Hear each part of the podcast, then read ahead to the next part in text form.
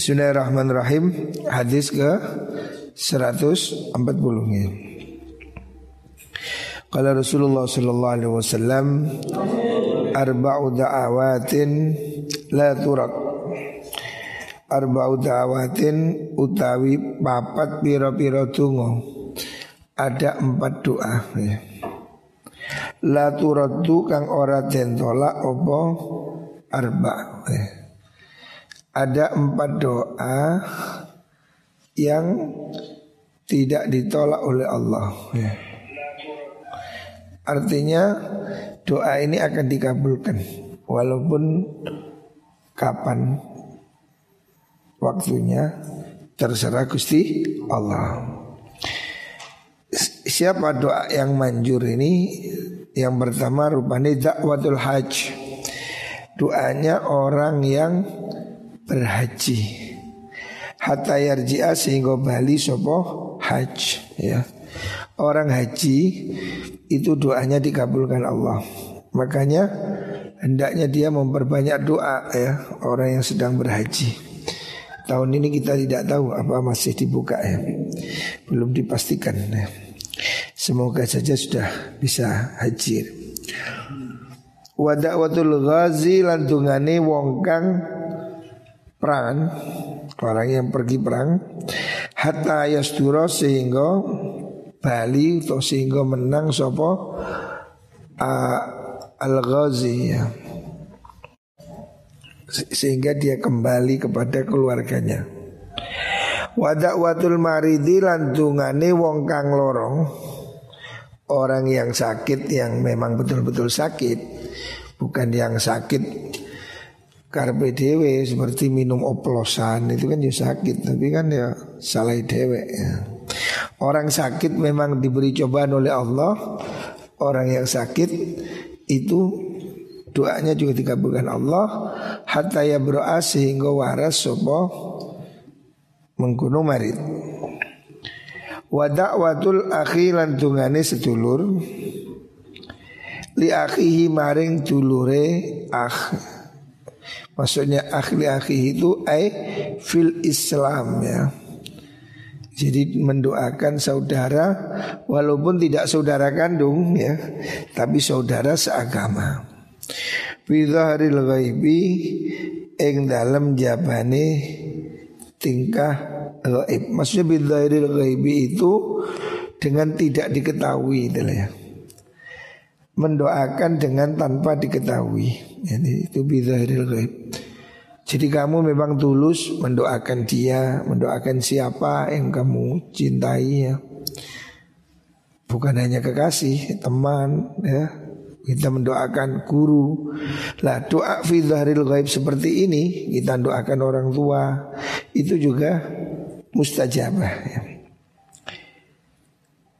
Wa asra'u haula'i da'wati utawi luwih cepete mengkono-mengkono doa ai ijabatan maksudnya. Doa yang paling cepat diijabai dari empat jenis doa tadi ya. Karena ada empat doa yang mustajabah ya. Doa orang haji, doa orang yang perang, doa orang sakit dan doa orang saudara pada saudara yang lain. Lah yang paling mujarab mana? Dakwatul akhi iku dungone sedulur li akhihi maring dulure akh. Bidharil ghaibi ing dalam jabani tingkah gaib. Artinya doa yang paling manjur itu mendoakan orang dengan tanpa diketahui ya bidharil ghaib itu. Jadi makanya kita ini hendaknya saling mendoakan pada guru, pada orang tua, pada teman ya. Kita hendaknya saling mendoakan karena doa yang tidak diketahui itu ya, doa yang tulus dalam kesendirian itu didengar diijabahi oleh Allah Subhanahu wa taala. Hadis riwayat Dailami. Arbaun man kunna fihi kana munafiqan khalisun. Arbaun te perkara papat ada empat hal. Iku man te sapane wong iku kana ono sapa man Oh fihi kunna kunna ono apa arba iku fihi dalman Karena mengkono sepaman iku munafikon munafik khalison kang murni. Siapa orang mempunyai empat sifat ini maka dia murni munafik ya. Walaupun rajin sholat, walaupun mondok ya. Tapi kalau empat ini ciri-cirinya ada pada dia, maka dia termasuk orang yang munafik. Tapi munafik ini ada dua ya. Ada nifak fil a'mal ya. Ada nifak fil iman ya. Kalau munafik dalam iman itu kafir ya. Nifak orang itu pura-pura Islam padahal tidak Islam. Nah, itu kan orang kafir. Tapi kalau munafik dalam amal. Jadi ada munafik itu yang bukan munafik dalam akidah ya. Kan ada munafik yang diancam innal munafiqina fit darkil asfali minan nar. Munafik itu tempatnya neraka yang paling dalam. Itu apa? Orang yang munafik dalam iman ya. Dia zohirnya mengaku iman Tapi batinnya tidak iman Nah ini yang munafik dalam iman ya. Munafik itu palsu itu loh Tidak sama itu munafik itu Munafik itu artinya double Double double double wajah ya, itu munafik. Lah, yang dimaksud dalam hadis ini munafik dalam amal. Ya. Apabila orang mempunyai empat hal ini, maka dia itu dianggap munafik murni. Siapa orang mempunyai empat sifat ini, maka dia adalah orang munafik, tapi dalam amalnya ya. Waman kanat fihi khoslatun wa man sapane wong kanat ono iku fi dalaman apa khoslatun Pak ngerti satu bentuk ya khoslah min hunna sangking mengkunu arba kanat mongko ono kanat mongko ono fihi iku tetep min dalaman apa khoslatun bagian minan nifak isangking sifat munafik hatta yada'a sehingga ninggal subuh wong ha ing mengkuno khoslah. Jadi Nabi ini hadis ini hadis sahih lewat Imam Bukhari Muslim tentang bahaya sifat-sifat ini. Ada empat ya. Ada empat sifat yang harus kamu catat. Ini adalah indikator munafik. Siapa orang punya empat sifat ini lengkap, berarti dia munafik murni 100% Bila orang mempunyai salah satu dari empat ini Ya berarti dia mempunyai bagian Kok punya dua berarti 50% munafik Apa aja itu? Yang pertama Ida hadasa kadzabah Ida hadasa nelikani cerita omong sebuah wong kadaba mongko goro ya. Pertama indikator munafik itu pembohong bohong ya.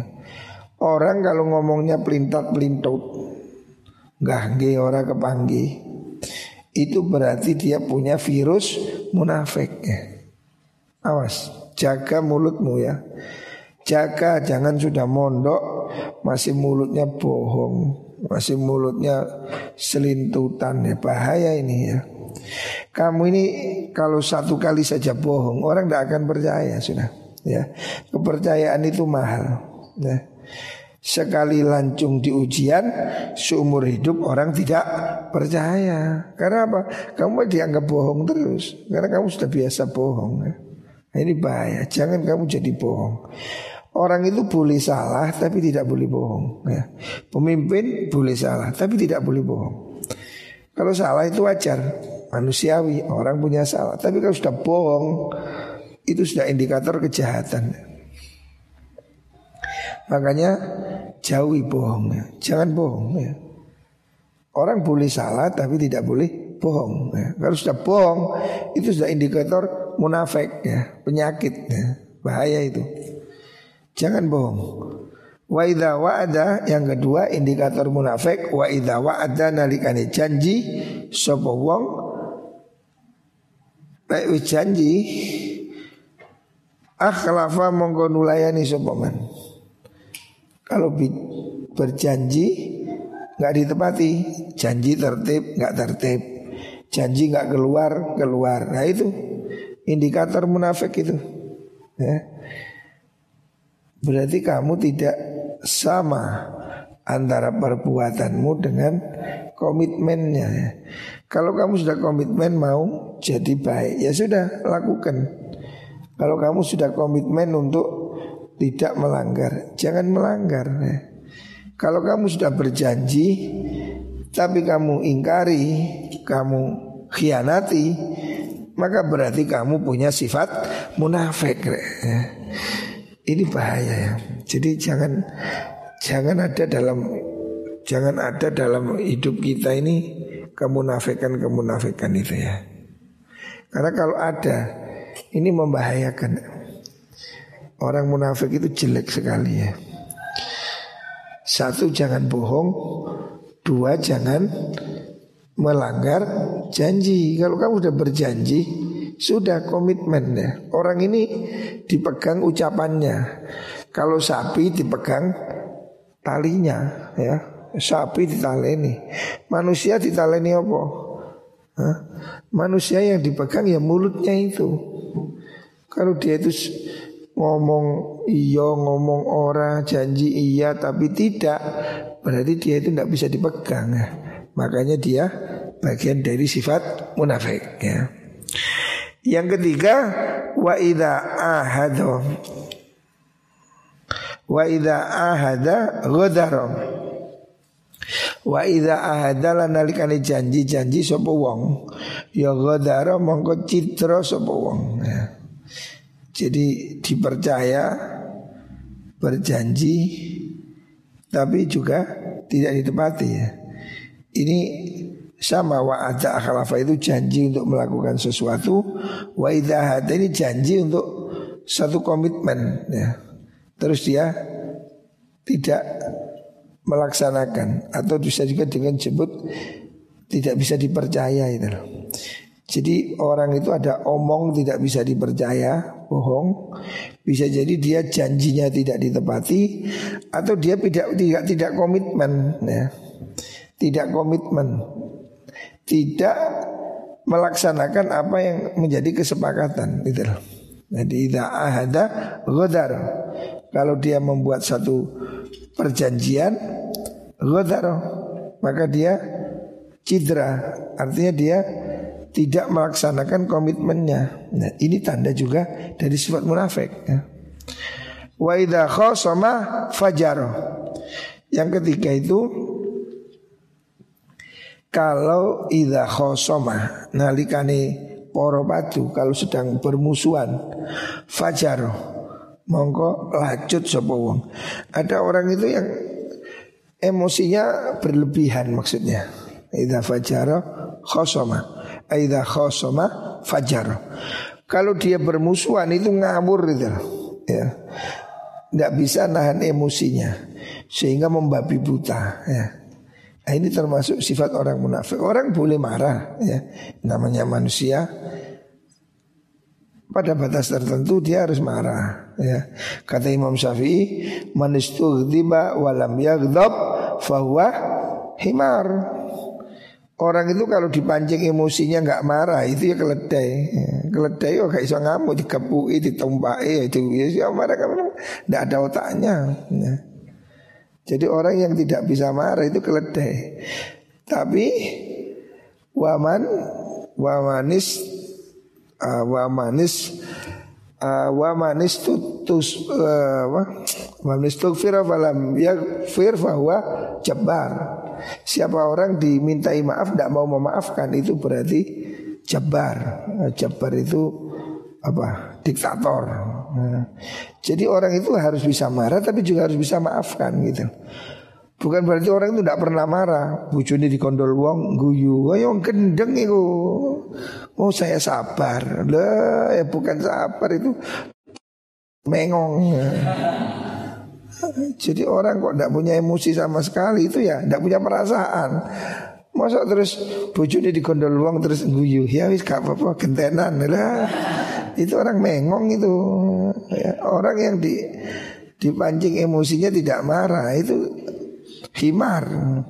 Tapi orang itu kalau dimintai maaf tidak mau memaafkan itu juga jahat ya. ada orang salah minta maaf ya sudah harus dimaafkan ya. Jangan kemudian enggak, pokoknya enggak, tidak ada ampun bagimu. Nah itu juga tidak bagus. Ya orang harus bisa marah, tapi juga harus bisa memaafkan. Ya. Itu imbang ya.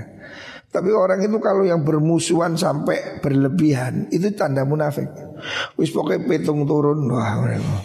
Jadi banyu gak kate jupuk gak kate ngombe apa, apa menunjukkan kebencian yang berlebihan itu tidak boleh ya.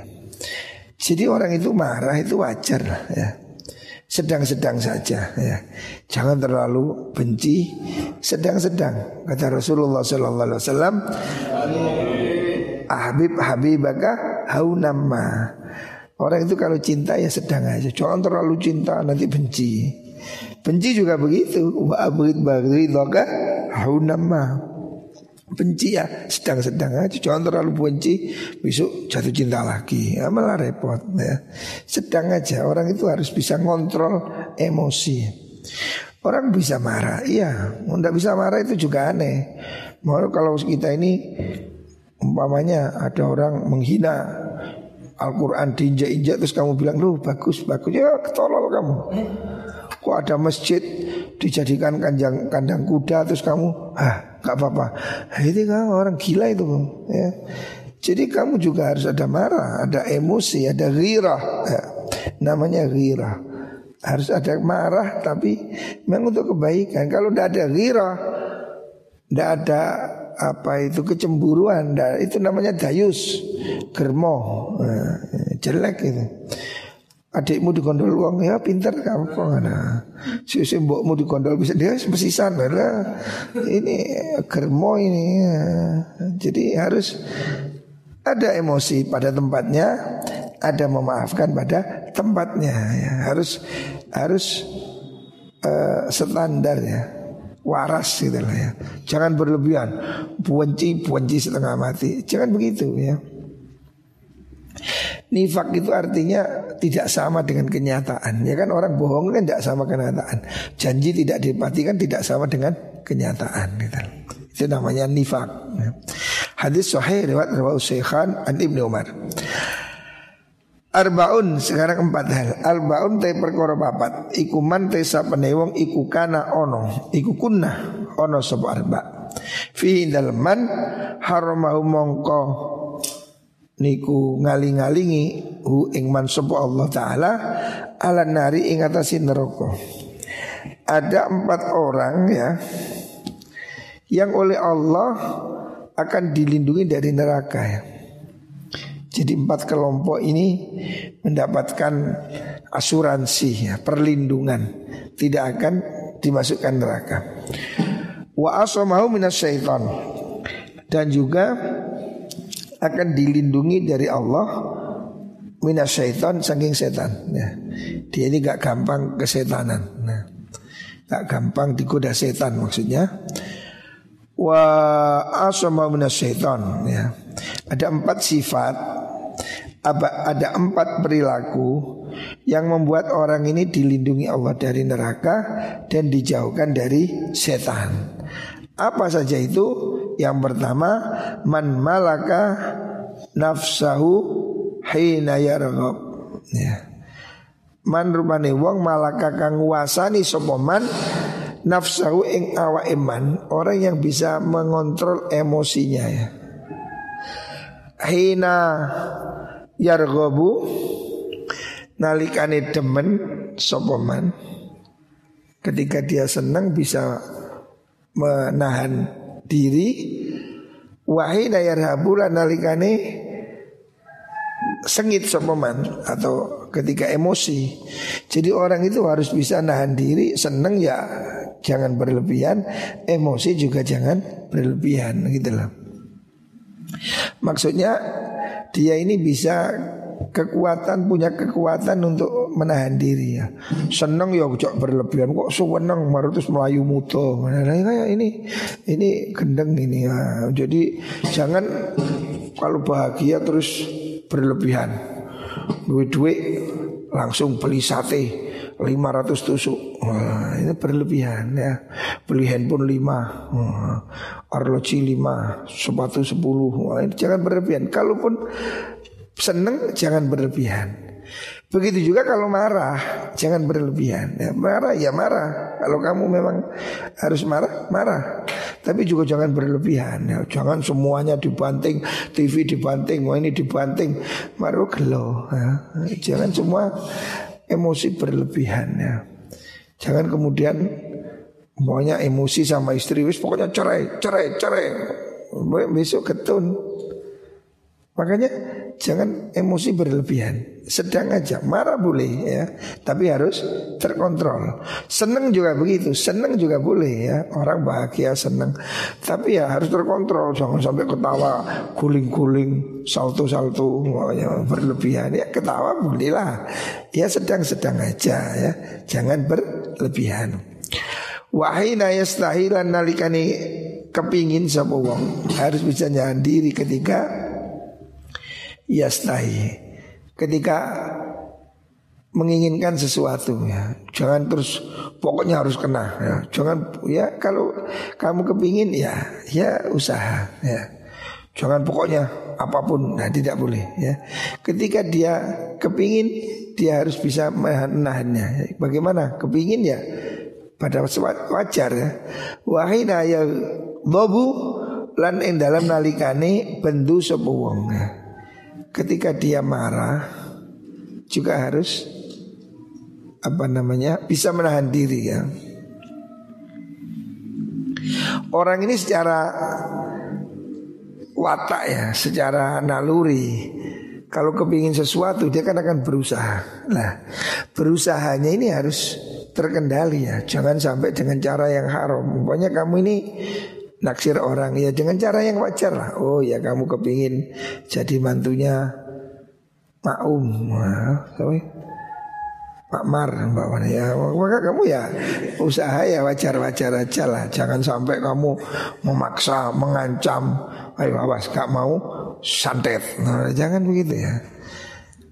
Kepingin kita ini ada sesuatu yang mungkin tidak boleh ya. Kamu mungkin kepingin lah melihat artis yang mentor-mentor namanya. Tapi kan ya tidak semua harus keinginanmu itu dituruti. Jadi kamu harus bisa mengendalikan. Oh ini tidak boleh.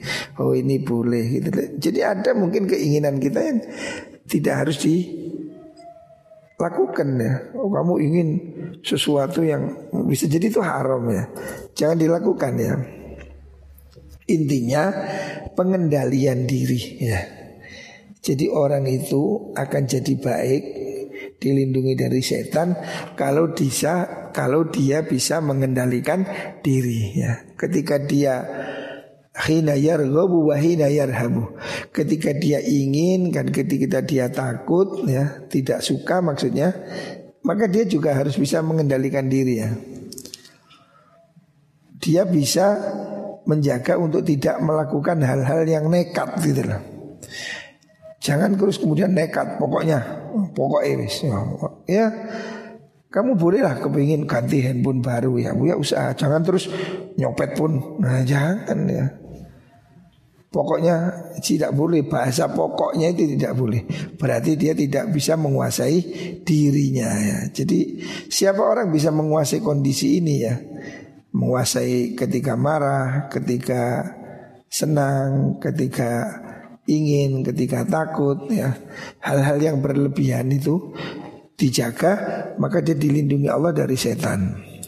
Wa arbaun te perkara babat iku man ta isapane wong iku kunna ono bu arba.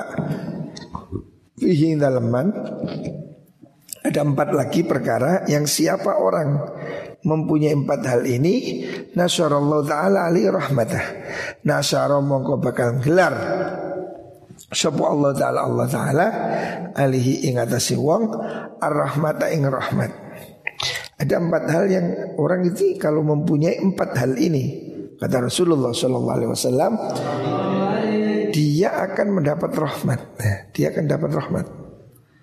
Artinya empat hal ini Yang membuat dia akan diberi rahmat oleh Allah ya.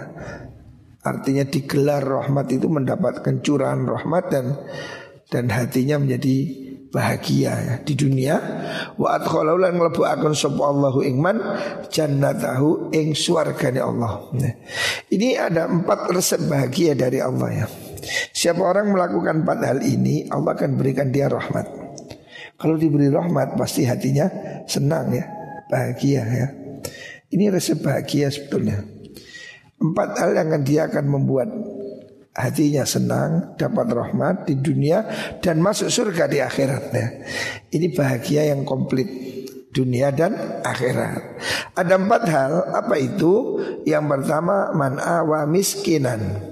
Siapa orang yang Coromano hari ini melindungi orang miskin ya. Awa itu ngungsi akan artinya mencukupi ya mencukupi kebutuhan orang miskin. Siapa orang yang peduli pada orang miskin.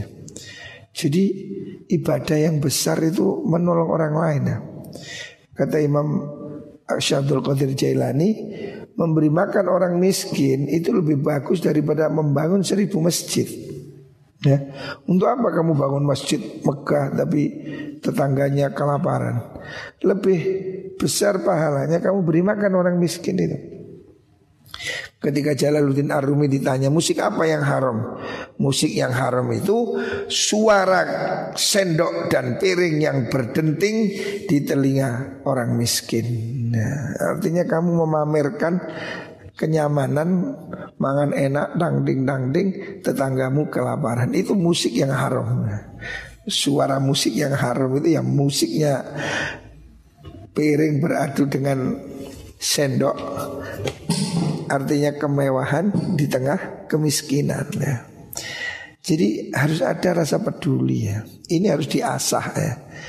Jangan pernah kehilangan kepekaan untuk berbagi dengan orang-orang miskin ya.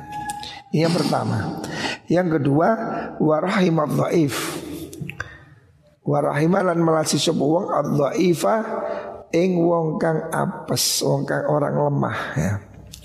Baik orang lemah ini secara kenyataan seperti budak kalau pada zaman dahulu atau secara maknawi ya, ya secara maknawi itu ya lemah dengan ekonomi ya, lemah dalam pendidikan, lemah dalam akses ya. Warafa kolan belas sebuang bil mamluki kelawan kawulo Belas kasih pada karyawan kalau hari ini Kalau dulu budak ya. Jangan memberi pekerjaan yang tidak layak ya. Yang keempat wa anfaqa alal waliden. Hal yang akan membuatmu mendapat rahmat dari Allah adalah menafkahi orang tua ya. Menafkahi orang tua. Artinya jangan sampai kita ini nggak peduli sama orang tua ya. Usahakan ya saya ini setiap hari masih berusaha ngirim ibu saya Walaupun dia mungkin sudah punya Tapi ini bentuk kepedulian nah, Harus lakukan itu ya. Berbuat baik pada orang tua Itu akan membuat kamu dirahmati Allah Muliakan orang tuamu seperti raja Maka kamu akan hidup mulia seperti raja ya. Jadi orang-orang yang hidupnya mulia itu orang yang menghormati orang tua. Kamu tidak akan pernah bisa hidup mulia kalau kamu tidak bisa menghormati orang tua. Tidak ada itu, rumusnya tidak ada. agama apa pun ya, agama apa pun, semua agama mempercayai berbakti pada orang tua itu adalah kunci hidup bahagia ya.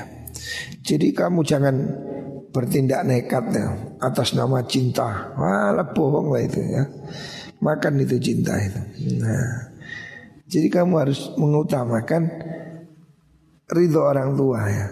Termasuk di sini kalau kamu mampu ya dan itu kewajiban bagi kita menafkahi orang tua ya.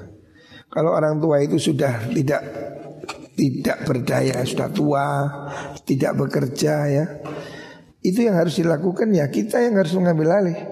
Dulu kita waktu kecil di nafkahi orang tua. Ketika dia menjadi lemah, anak yang harus wajib untuk memberi nafkahnya. Makanya kata Rasulullah Sallallahu Alaihi Wasallam hadis yang lain kanjeng Nabi mengatakan Rasulullah mengatakan dalam sebuah hadis Raghima anfu rajulin. Adraka abawaihi au ahadahuma. Falam yudkhilahu al jannah ya. Sungguh celaka. Celaka, betul celaka. Ini ada sebuah hadis yang diriwayatkan dari Rasulullah Wasallam Suatu saat kanjeng Nabi itu naik mimbar Mau khutbah. Terus Nabi langsung mengatakan Amin, amin, amin Tiga kali. Sahabat bertanya Ada apa Nabi kok tiba-tiba amin? Kata Nabi Malaikat Jibril tadi berdoa Saya aminkan. Apa doanya? Tiga hal Yang pertama adalah Malaikat Jibril mendoakan Rogima anfurujulin Dakhala alaihi Ramadan fansalakha anhu wa lam yughfar lah. Celaka, semoga celaka. Kerumpung irungnya maksudnya kan celaka. Wong lek ganti irung kan jelek. Wong ganteng kan kalau irungnya bakir ya, gue ini Orang kan nggak hitungi pesek, nggak iso diarani ayu, nggak iso. Ayu tapi pesek, yo ayu, pesek. Bagi orang Arab hidung ini vital Maka hidung itu tuh ya. Mana gelas di Arab ini tidak sama dengan di Indonesia. Di Indonesia kan minum gelas gede Karena mau pesek Lagi Arab gelasnya cili-cili Karena irungi mancung Gelasnya gede ketatap nah, Gelasnya cili-cili ya, gitu. Jika natap irungi. Doa malaikat Jibril yang pertama Semoga celaka orang yang masuk bulan Ramadan dan Ramadan berlalu sedangkan dia tidak diampuni Allah. Ya. Artinya orang yang menyia-nyiakan bulan Ramadan itu didoakan celaka. Ya. Jangan sia-siakan. Makanya kamu setiap malam saya absen. Sopo sing gak terawih. Nih gak terawih. Ali nih. Oh, kamu Ramadan ini jangan sampai lewat ya. Siapa orang melewatkan Ramadan dan dosanya tidak diampuni Allah, sungguh dia celaka. Jadi Ramadan ini bulan untuk minta ampun. Jangan kamu Ramadan malah bikin masalah. Ramadan malah selintutan, Ramadan malah bohong itu rugi ya, rugi puasanya ya. Orang yang Ramadan tidak berlalu dengan ampunan Sungguh dia rugi ya Yang kedua Orang itu rugi. Ragima'an furajulin Adraka abawaihi Au ihdahuma. Au ahadahuma. Walam yudkhilahul jannah. Celaka orang yang mempunyai dua orang tua Atau salah satunya ya. Dalam keadaan lemah dan dia tidak berbakti sehingga dia tidak dapat dimasukkan ke surga. Karena pintu surga itu orang tua kita kamu kalau durhaka pada orang tuamu pintu surga tertutup sudah. Walaupun kamu mau ahli sholat mau ahli apa tapi kalau orang tuamu tidak ridho kamu tidak akan masuk surga. Nah. Makanya rugi Kalau orang punya orang tua Dan dia tidak berbakti padanya Maka dia tidak bisa memasukkan Orang tuanya itu tidak akan memasukkan dia ke surga ya. Makanya ini harus ya mungkin walau tidak saat ini ya suatu saat ketika orang tuamu sudah tua sudah tidak berdaya Anaknya harus peduli Jangan terus anaknya sibuk mengurusi anak dewe Orang tuamu itu kewajibanmu ya. Beri dia nafkah. Cukupi dia ya. Itu cara kamu mendapat rahmat Gusti Allah. Rabbul Hakim. Arbaun. Yang keempat Arbaun. Man Betul Man u'tiyahunna Fakat u'tiya khairat dunya wal akhirah. Ada empat hal yang siapa orang diberi empat hal itu Berarti dia mendapat kebaikan dunia akhiratnya. Arbaun te perkara pat iku man te sapane wong iku tiaden paringi sapa man? Huna ing arba siapa orang diberi empat hal ini. Maka faqad utia khairat dunya wal akhirah. Berarti dia dapat kebaikan dunia akhirat. Kebaikan total. Siapa orang punya empat hal ini Dia akan mendapatkan kebaikan sempurna Dunia dan akhirat ya. Kebaikan ini dari Allah.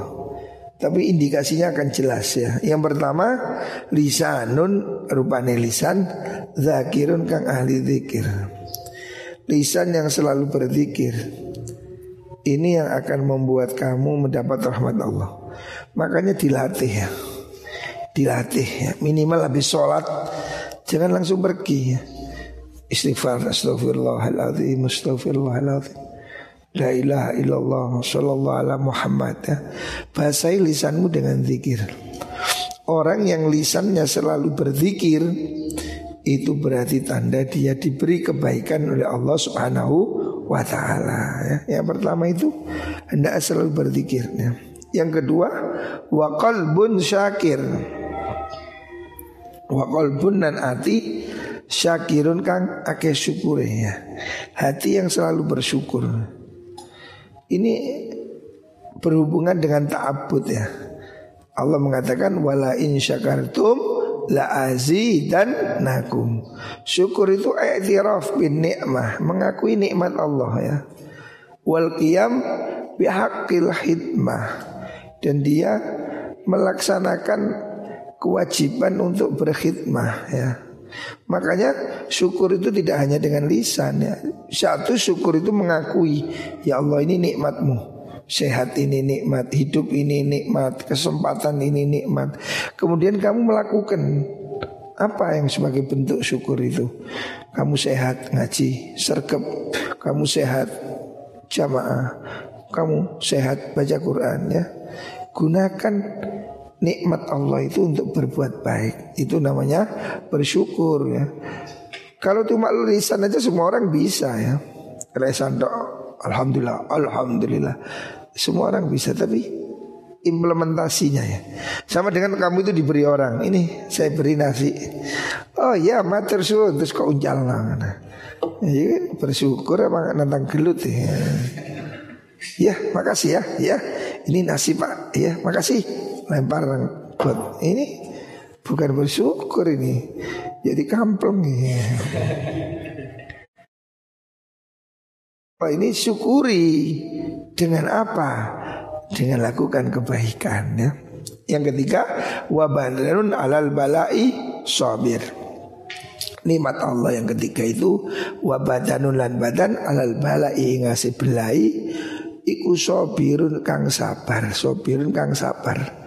Sabar sikap tahan uji nih menerima cobaan Allah ya ini bagian dari nikmat. Ya seperti hari ini nih kita ini sabar lockdown ya wis kayak pondok gak nian dindi aku pirang bulan wis gak dindi.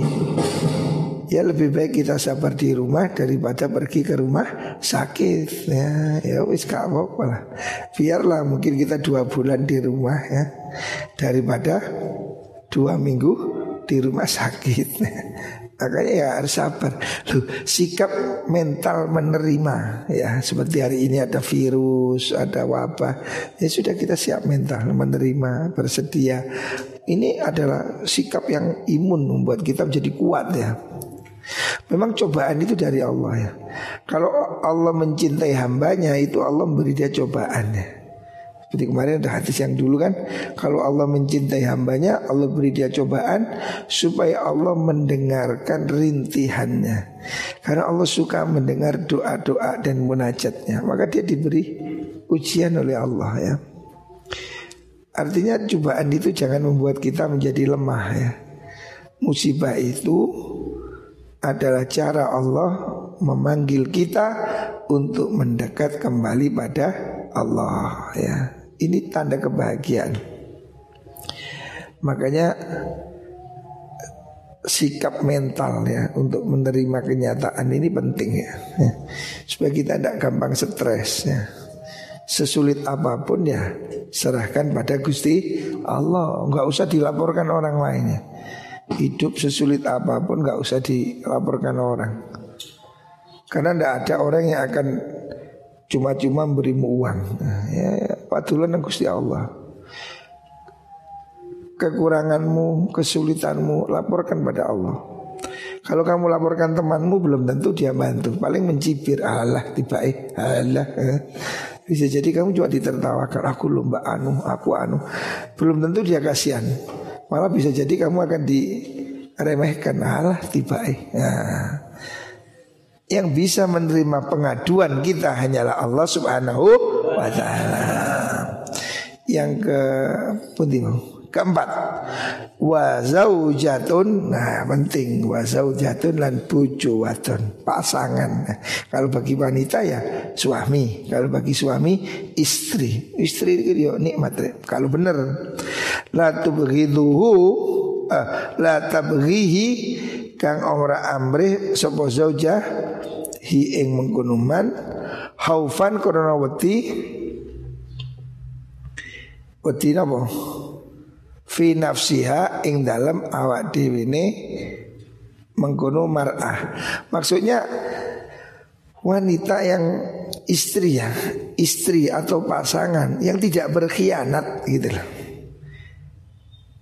Jadi yang keempat itu nikmat hidup itu istri yang setia. Istri yang bisa dipercaya gitu. Makanya penting melihat istri dari bobot-bobot apa bibitnya. Ojo kok delok bokong itu ae. Sing kuat di bokonge jenenge slender. Nah, kuat di bokonge.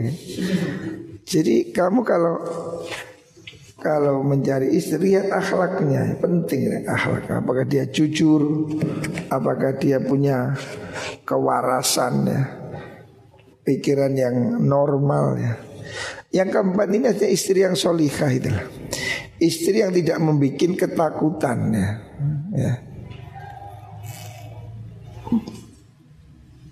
Mestinya bukan khaufan ya itu ya. Yang benar itu khaunan mestinya ya. Itu tulisannya nun apa fa? Ada nun ada fa.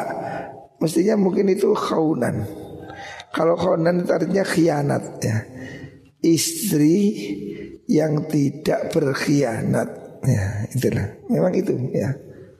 Maksud istri yang tidak berselingkuh di belakangmu. Nah, artinya istri yang tidak membuat kamu jadi stres.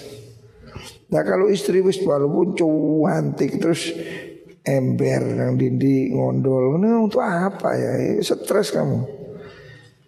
Jadi istri ini tidak hanya perlu cantik, cantik ya ya penting. Bucu elek ya rada susah ya. Tiko nang mall kok khawatir pantas mana ya. Makanya ya Ya yang standar lah minimal standar aja. Yo ya elek-elek nemen. Kan dirasani Waduh Lu tulon Mungkin tidak kocan. Jangan sampai ya, ya. Ya walaupun cantik itu relatif ya Cantik itu relatif. Makanya ketika orang bilang cantik itu relatif. Tapi kalau jelek itu absolut. jelek itu semua orang pasti tahu itu jelek ya mestilah. Nggak ada orang oh itu rotok jelek dari segi ini enggak ya elek itu absolut tapi wong elek ya rumah. Tapi cantik itu relatif. Oh cantik dari segi ini nggak bisa. Jadi karena orangnya pendek ya seneng sing pendek dur seneng sing dur itu cantik itu relatif. Tapi kalau jelek itu absolut. Artinya semua orang tahu Tetapi yang lebih penting ya Cari istri yang tidak berkhianat ya. Itu berbahaya sekali ya Walaupun kamu punya istri cantik Tapi astagfirullah Kantil nang dinding Bahaya ini ya. Jadi yang keempat itu tanda kebahagiaan itu kalau orang punya istri solihah. Al mar'atu solihah anfa'u minadzahab. Istri solihah itu lebih berguna daripada kekayaan. Daripada emas. Kenapa?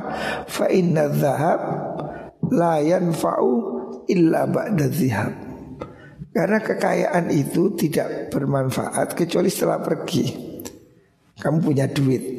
Nah kok kisah kan gak guna nih Baru setelah kamu serahkan orang beli Ih, handphone Apple kecokot. Nah, Larang ya. Dia itu uang itu bermanfaat Setelah kamu berikan orang kan?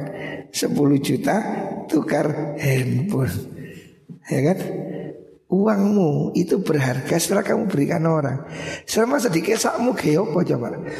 Enak lah ngerasani duit 10 juta? Gak enak, enak ketika itu kono sate. Ya, Diberikan orang Dapat sate. Loh baru enak ya kan Enaknya itu setelah apa sih? Beli baju dipakai. Nah, enak ya. Selama duit itu masih di kesakmu, tidak ada enaknya. Harta kita itu enak setelah dia pergi setelah diberikan pada orang lain ya.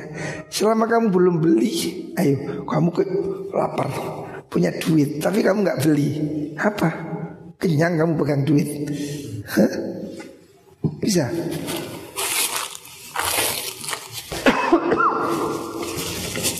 Kamu tidak akan mendapatkan manfaat dari uangmu sementara uangmu belum kamu serahkan pada orang lain ya. Ini kenapa bedanya istri solihah dengan harta. Istri solihah itu lebih berharga dari harta. Karena hartamu itu ada gunanya ketika telah berpisah dari kamu. Ya, kamu lapar. Kalau belum kamu belikan uangmu itu untuk beli nasi, kan tidak ada efeknya kepada hidupmu lapar kamu. Duit seratus ribu di kantong. Tapi kamu nggak beli. Ya lapar. Tapi kalau duit ini kamu berikan dekus keluarlah. Belut. Mujair. Nah, bebek. Ya, baru terasa enak. Setelah duitmu diambil dekus. Itu loh. Kamu haus. Kamu punya duit Nggak enak.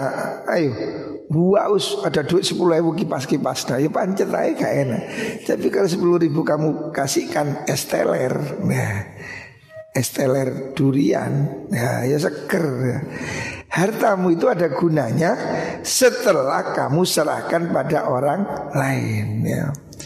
Selama masih bersamamu Hartamu itu tidak ada gunanya ya. Nggak terasa nikmatnya ya lah beda dengan istri. Istri itu ada gunanya selama dia masih ada di sampingmu. Eh bujumu ayu tapi nak hongkong ke apa? Nak turu kelam kelam Kan gunanya ya Jadi kalau istri itu ada gunanya ketika dia ada di sampingmu Itulah ya jadi kalau istrimu tidak ada di sampingmu, ya, ya podo hayal. Bagaimana ini menikah lewat internet? Boleh. Pokok jimai ya lewat internet bisa. Apa gunanya? Orang ini bedanya uang dengan istri. Istri itu ada gunanya, ada manfaatnya kalau dia bersamamu. Karena apa? Dia itu akan menyenangkan kalau dia itu kelakuannya baik. Sehingga kamu melihat aja senang kelakuannya api mesem terus ramah. Eh, kamu akan senang sehari-hari dilayani. Coba bujumu kuala mendelik mencucu eh uh, ya nih kan? Wis elek. Cerewet pisan apa buai mari tukar tambah monyet ya. Bagaimana kamu? Kamu akan tersiksa ya. Kalau kamu punya istri tidak solihah atau pasangan tidak soleh, kamu akan hidup sangat tersiksa karena dia sehari-hari bersamamu, ya. Maka dia itu akan mengganggu lagi, sangat mengganggu. Mana ucapannya yang ketus, mana baunya yang kecut, mana penampilannya yang genderuwo ini tawo. Nah, kamu akan tersiksa hidupmu. Ya. Makanya carilah istri yang soliha. Kalau dia berbicara, bicaranya menyenangkanmu. Kalau dia berdandan, dandannya menyenangkanmu. Itulah, itu kamu akan bahagia di sampingnya ya. Dan bahkan selama-lamanya ya, itu lebih berarti daripada harta. Penting rek, memilih pasangan hidup yang baik itu penting. Ya, dia akan hidup bersamamu setiap saat. Ya, repot, kadung keliru repot, buai lu angel. Ya, ya apa kadung kadung bujuk kadung siapa deh dibuat iki yo karena tempat sampai diingu iki kok koyo tentenan. Artinya kamu akan menyesal seumur hidupmu ya. Makanya hati-hati ya Pilih pasangan nih hati-hati. Jangan kamu terpesona dengan penampilan di Facebook ya. Itu kan foto efek kamera jahat ya. Kamera 360 atau apa itu kan orang itu bisa kelihatan kinclong. Setelah ketemu Waduh. Amit-amit ya ini namanya cewek aduh ada nah, Dari jauh aduh aduh. Barang tidak ada Ini ada tipe cewek aduh ada ya. Makanya hati-hati ya. Istri solihah ini penting Itu permata ya. Tapi kalau istrimu itu baik Maka dia akan membantumu Dalam kesulitanmu ya. Dalam hidupmu dia akan menjadi teman berpikir ya teman berdiskusi dan menjaga rahasia ya Gawat ya kalau istrimu terus ngablak nanti di bujuku anu nih anu bayangkan kamu malu nanti hati-hati kan. Milik bujuk ngablak nanti di mau cerita cerita Kanu Anu. Nih tiba anu. Gimana ya jatuh nama hamba ini ya Makanya kamu hati-hati ya. Kalau dia istri musoliha Dia bisa menjaga hak milikmu juga. Dia tidak boros ya. Termasuk kriteria ini penting ya. Istri tidak boros sih ya, Bahaya. Makanya kalau ada wanita suka ke warung Sudah dipilih Itu jaringan jebol gitu. ngerti jaringan jaringan ngerti jaringan kan? Itu jaringan jebol. Artinya karena ke duit ya bujumu senengane online online waduh bahaya ini kufut kufat hmm, gak doyan tempe wah ini mangane PT terus. Iki padha mbek ngingu garangan entek-entek PT ya apa ya? Eh, jadi kamu harus hati-hati cari istri itu ya. Pokoknya salah satu indikasinya itu carilah istri yang tidak suka ke warung ya. Jadi kalau ada anak itu suka ke warung, suka jajan, itu sudah dipilih Gus. Itu tipe jaringan jebol. Itu kan akeh itu kantong bolong ya. Kalau bisa itu istri yang bisa mencukupkan Oh pendapatan segini menjadi segini Dia berusaha hemat Berusaha mencari Loh ini cocok ini Tapi lah bujumu wakwi wakwi eh wah ini. Amblas ini ya. Makanya penting ya untuk membeli pasangan yang baik ya. Lah itu ukurannya standarnya itu ya agamanya baik. Dalam arti kelakuannya ya. Agamanya itu maksudnya implementasi agamanya itu loh bukan sekedar oh itu mondok lima tahun. Belum mesti. Mondok lima tahun yang ngablak ya no no sing mondok tapi ya kelakuannya panggah panggah delahom ya no jadi yang yang dimaksud beragama itu dia menjalankan agamanya dengan baik, menutup aurat, ya, tidak suka selfie selfie pokoknya dia bisa menjaga diri ya. Itu yang penting ya.